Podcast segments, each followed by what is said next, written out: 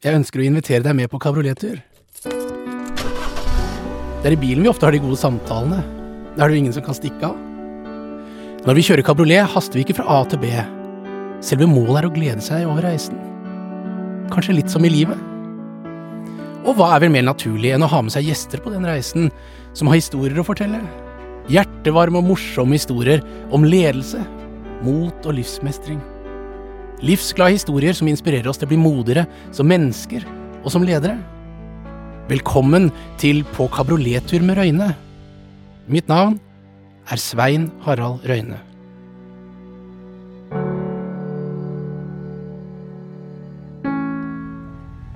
Hei, Hei, hei!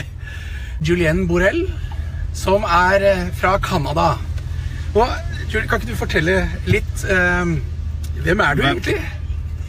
Um, Canadian, French Canadian. Um, couldn't speak English when I was 19. Was only able to speak French. And then I came out, and we're going to be talking about coming out today. then I came out. I came out of the normal path. Uh, learned learned English at university, and then went out in the world and lived in in five different countries over a period of 10 years and then sort of landed in norway so the most uh, uh, the place i wouldn't think that i would land at the end and uh, decided to stay here. But why Norway? Why, why did you get end up here? um, there's two parts of that question actually. Why did you get here and why are you still here? Uh, why why did i get here? Um, I got a I got a scholarship for a doctoral degree, so I I studied uh, mechanical engineering and Oh, okay. Astrodynamics. Yeah, Um, yeah, and what do we call you? Yeah, the rocket scientist. So my, my background is in astrodynamics, which is which is a subfield of mechanical engineering. It's a basically uh, satellite design and orbital mechanics. Okay.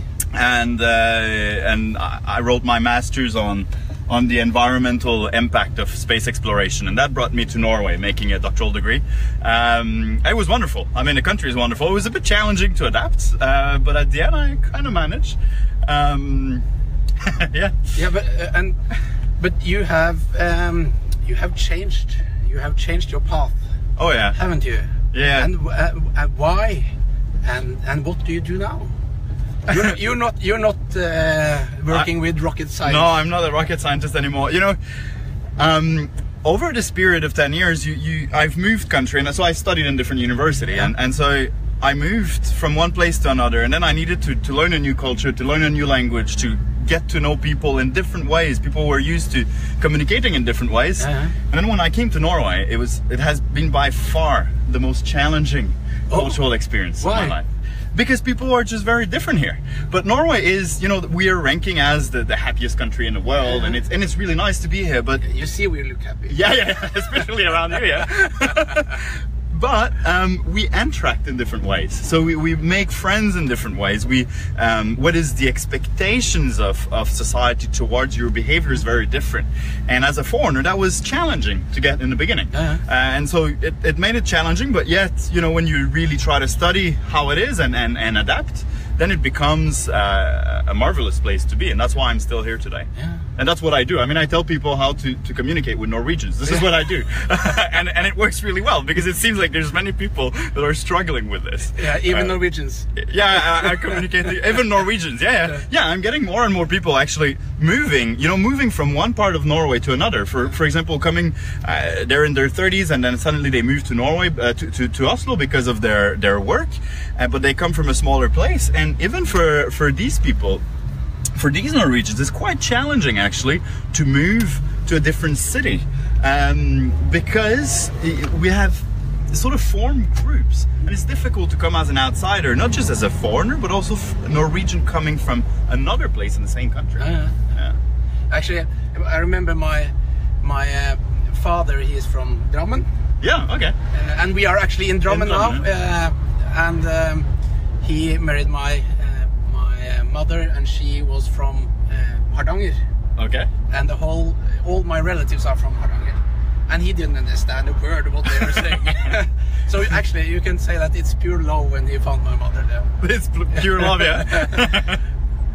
But um, uh, but excellent. But uh, um, you know, I'm I'm really um, I'm really into courage. Uh, Courage is uh, one of the most important themes uh, with regards to what I'm talking about. And this is what this is what you're you're you're also teaching when you're when yes. you go on stage. Yeah. Yes, I talk about courage, and I think courage is the most important attribute uh, for every human being. Hmm. And in regards to courage, um, what what do you think? What is courage to you? Well, I think I think I can go back to, to what I said in the beginning. You know, when I I, I realized how courage was important when I uh, decided to go to university in English when I was 19 years old. All, most of my friends they went uh, to French-speaking university, and you needed to take it was a it needed a lot of courage actually to change to go to a place you didn't understand the language in a in a place where you weren't secure where you didn't know anyone but what i've realized that each time you take these steps forward uh, that you're you're you're strong enough to to come outside your comfort zone which takes a lot of courage Yeah. Every time I did this in my life, I've expanded my comfort zone. I've expanded my abilities to communicate with people, and I've I grew as an individual. Yeah. Actually, I I'm getting a little bit tired of using the word comfort zone. Okay. Yeah, uh, uh, everyone uses it, uh, and and I think it's nothing. It's nothing negative about being in a comfort zone, but so, so I, I prefer to call it the stagnation zone. Yeah, yeah, yeah. That gives a sort of a, a push towards getting out of it. Yes. Yeah, yeah. Yeah. Yeah, yeah, yeah. That's a very good way to encourage people to get out of that Yeah. zone. Because if you say it's comfort, then it feels com- comfortable. Eh? Yeah. If it's uh, the stagnation, no one wants to take stagnate. No, No, I sort of don't. water, which is no. and and that is uh, the older you get, the more easy it is to stay in the stagnation zone. But you're, it? you're still quite young, aren't you? I'm well, yeah, I am. Mentally, at least. yeah, mentally, definitely. my, when I when I were I quit my job um, in uh, my chocolate uh, in the chocolate factory Nidar. Yeah. Uh, my boss uh, had a speech for me, and she said, "We see we see a man in suit, Uh-huh. but inside there is a boy in shorts." and I think I'm really proud of that. Yeah. I think- and I think everyone has a little child inside, Yeah. and I think it's really important to to to let it out. Yeah. Let the world see it. Yeah. And, so- And I think that maybe this is where as well that we connect in a way that we are, since I'm so old, yeah, thank you.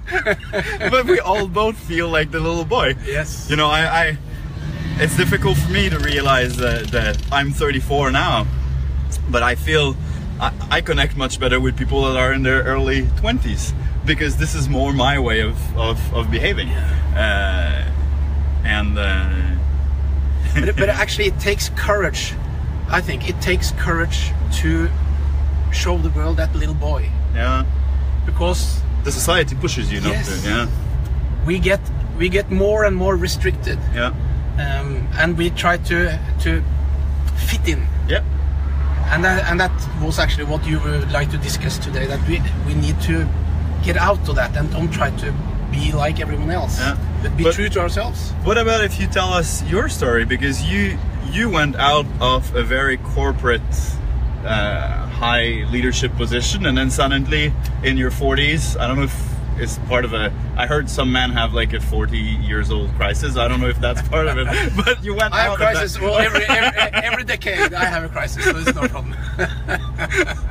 but you went out of that more serious um, setting in a, in a more uh, a life that many people have and then you you started to to, to, to do your own stuff a few years ago what what brought you to do this So, so now you're interviewing me. Yeah, yeah. Yeah. Well, uh, I think that I think um, it's a long story, but I, I, to make it short, I think uh, what has driven me to do something else is that uh, my whole life I've been trying to um, promote myself to to become uh, managing director and so on. Uh-huh. Uh, but the focus was on me and suddenly i realized that that was very very selfish and i and and it didn't give me so much pleasure and now when i started on my my new uh, uh, career uh, doing what i'm doing now i really really enjoy it because now i feel that i help other people i i feel that i contribute somewhat more um, to the society uh, doing what I'm doing now. So it, it was great to selling both chocolate and wine and so on, but this really, uh, yeah, it, it's better for my heart. I- Mm. It, it feels great actually. So So it gives you a lot to to feel that you're helping others yes, to flourish. Yes. So that's also, of course, that selfish uh, Yeah. uh, drive. Yeah. But um, when that selfishness is used to try to help other people, I think it's uh, a very um, a good one. Mm. I think Mother Teresa also was very selfish. She did what she thought was the most important thing Giving in the world for her. Yeah. Yeah. When I say that to my children that uh, she was selfish, they say, "No, no, no, no, you don't understand anything." but uh, but but it is uh, it takes courage, doesn't it, to to do I what think you to, do. I think to come out of the, you know, what I feel is that the more you go into life, the more society pushes you to be uh, sort of the standard that at cer- certain points you should, you know, buy an apartment and move with your partner and, and get kids and, and have a, you know, have a, a, a work where you work a certain amount of hours per week. Uh, the society pushes it, uh, especially in Norway. I think it's very, uh, it's very strongly pushed into, and, and um, I think to go out of there, you, you, you get some, you know, many people going out of it, but you, you get maybe some um, people maybe that are looking at you a little bit special or are wondering why are you not conforming to, and so in every step you take forward, which you do differently, uh, you need that courage to sort of go a little bit against the flow or, or on the side of the flow. And this is something that I think you get used to it. I've, maybe sharing some of my stories when I I moved country to country. Yeah. You know, I could have stayed pre- pretty much in all of these countries and finished my degree there, but I decided that I was gonna, you know, try to go out of, of that stagnation zone. And I had learned German, then it was time to learn Spanish, and I learned Spanish, and it was time to to, to learn uh, Norwegian. I do speak Norwegian. I just feel a bit more uh, uh, intelligent in English, but uh, but I do speak Norwegian. We, we spoke Norwegian before, Yeah. uh, and but I think that this really uh, makes me wake up in the morning and have the energy to continue. It's a little bit of trying to, to, to, put that survival instinct into being in places where where you feel you really need to perform because it, you're not you're not comfortable there. You're you, you need to show yourself that that that you can achieve something uh, higher. But do you feel fear? Do you feel any any fear in in this process or doing these different new things that you're not familiar with? I think that the more you do dangerous stuff, uh, the more you travel, the less fearful you are of everyday challenges. So for me now, uh, no, I don't think I feel fear. I don't think I feel fear or being nervous when I go on stage either. But it's something I want to test now because many people say, Julian, we don't believe. And so I want them to have, you know, these things that gets your heartbeat. Yeah. And then they can follow my heartbeat Yeah, yeah. to see what if I if I increase in, in pulse when I get on because I don't think I, I have this fear uh, anymore. Uh, I think the more you've experienced, the more difficult thing that happened to you, the less you have fear for every day, and the less you need that security. For example, I I don't like the idea of pension. And many people of my age, they you know they invest, and I I feel like I don't know if I'm going to live when I'm 65, yeah. uh, and You have to live now. I have to live now. Yeah. But uh, but is it courageous if you don't feel fear? Feel fear?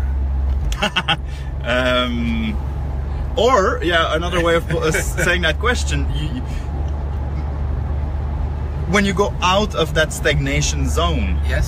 uh, that may trigger some some fear.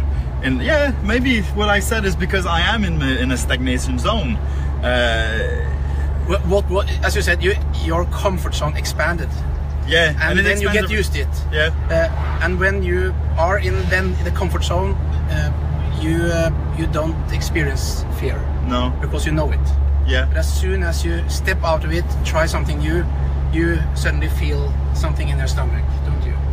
A little bit, little yeah, bit of fear. course. Yeah, of course you're right in saying this. Yeah, yeah. Of course, when I'm when I'm pushing the boundaries, you feel. But I don't know if it's fear. For me, it's is it fear? It's excitement. I've learned. I, I've learned. I think to to to move fear into excitement. Yeah, that is a really great takeout actually. Turn your fear into, Into excitement. excitement. Yeah. And then that will empower you. Won't Yeah. it? Yeah. It will empower you to do uh, and and to learn a lot. I think that was a really good. Uh, Yeah. To really change the good feel. Yeah. Yeah, because if we manage really, because all of these feelings are actually quite close to each other. Yes. And if, if you put your mental setting and you you try to see always the, the positive side of it, the little kick you get when when you have fear or excitement, it's a yeah. What about you? Yeah, uh, well, I, um, when I am on the stage, I, I don't feel fear anymore. Or, um, but I just let this car. He has been driving behind us for a long time now. I, I don't feel fear anymore. So I try to push myself to do something new that I don't know, in order to feel that. Well, actually, that I'm more courageous. Uh, and actually, that you're, you're right. It's I turn the fear into excitement. So it's butterflies instead of um, fear that really prevents me, or I don't know, hemmer. Uh, Yeah. I don't know. Yeah, Norwegian English word. But still, I think uh, uh, yeah, I usually say that you you can't be courageous if you don't feel fear. You can't be courageous if you don't feel fear. Can't. You, so you need to feel fear. So that that's why you every day you have to feel some fear. You have Mm. to do something that you fear in order to don't stagnate. It's food Yeah. for thought. Yeah, it's uh, yeah. I can reflect a bit about this. But um, if you change But what's what's the mo- sorry? if you if you change your mental setting into feeling that okay fear is coming and then you try to really have it as okay i'm going to be excited about this Yes. Then you're are you courageous when you when you force your brain to to change that mental setting so you feel excitement instead of fear I would think so. I would think so because you do something that you're not familiar with. Mm. So, and that is a technique just to do it. Yeah. So you turn your fear into something positive.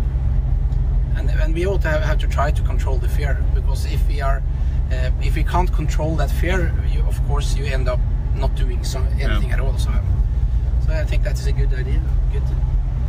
But what what is the most uh, courageous you have done in your life? Sounds like you have done a lot. What- the most courageous i've done in my life hmm. Hey, there's two perspectives to it. It could be one simple action, um, but I think, and I think this is for the the, the younger people.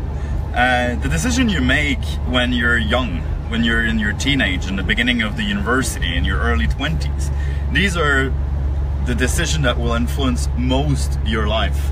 Because we're in a life path if you make a decision in the beginning you have so many more possible future than you have turning uh, soon 50 whatever decision you make now you can't change your future all that much. You can but not to the same extent that if you would be 20 and i think that uh, to be courageous in in, in that age uh, gives much more uh, benefits down down the line. I, I think that I would take an example from there, and it's probably when I left uh, Canada when I was 20, 21 and I went on exchange, uh, where that this is where I've actually learned my English in Australia.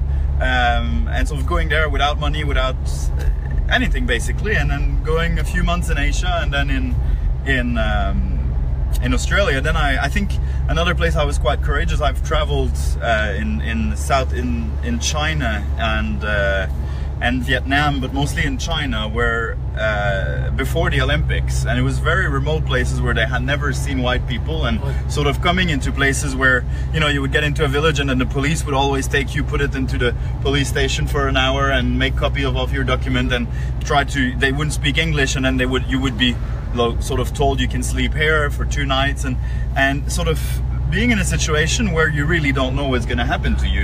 Um, and at the end you ended up that it was everything went really fine. We, we didn't it was not such a big uh, deal but looking at it from before or from people that haven't done it then it sounds very courageous. And i think that this was at the early phase in life was courageous.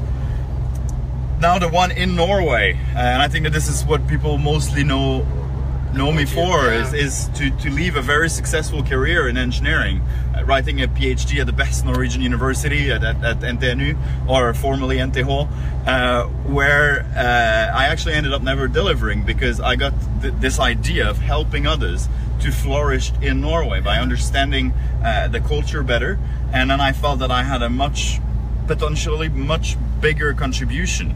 But that was full of challenges. I mean, I, I had small savings out of the, you know, the, the, the scholarship I was getting, and I took all of what I had, and then I published a book.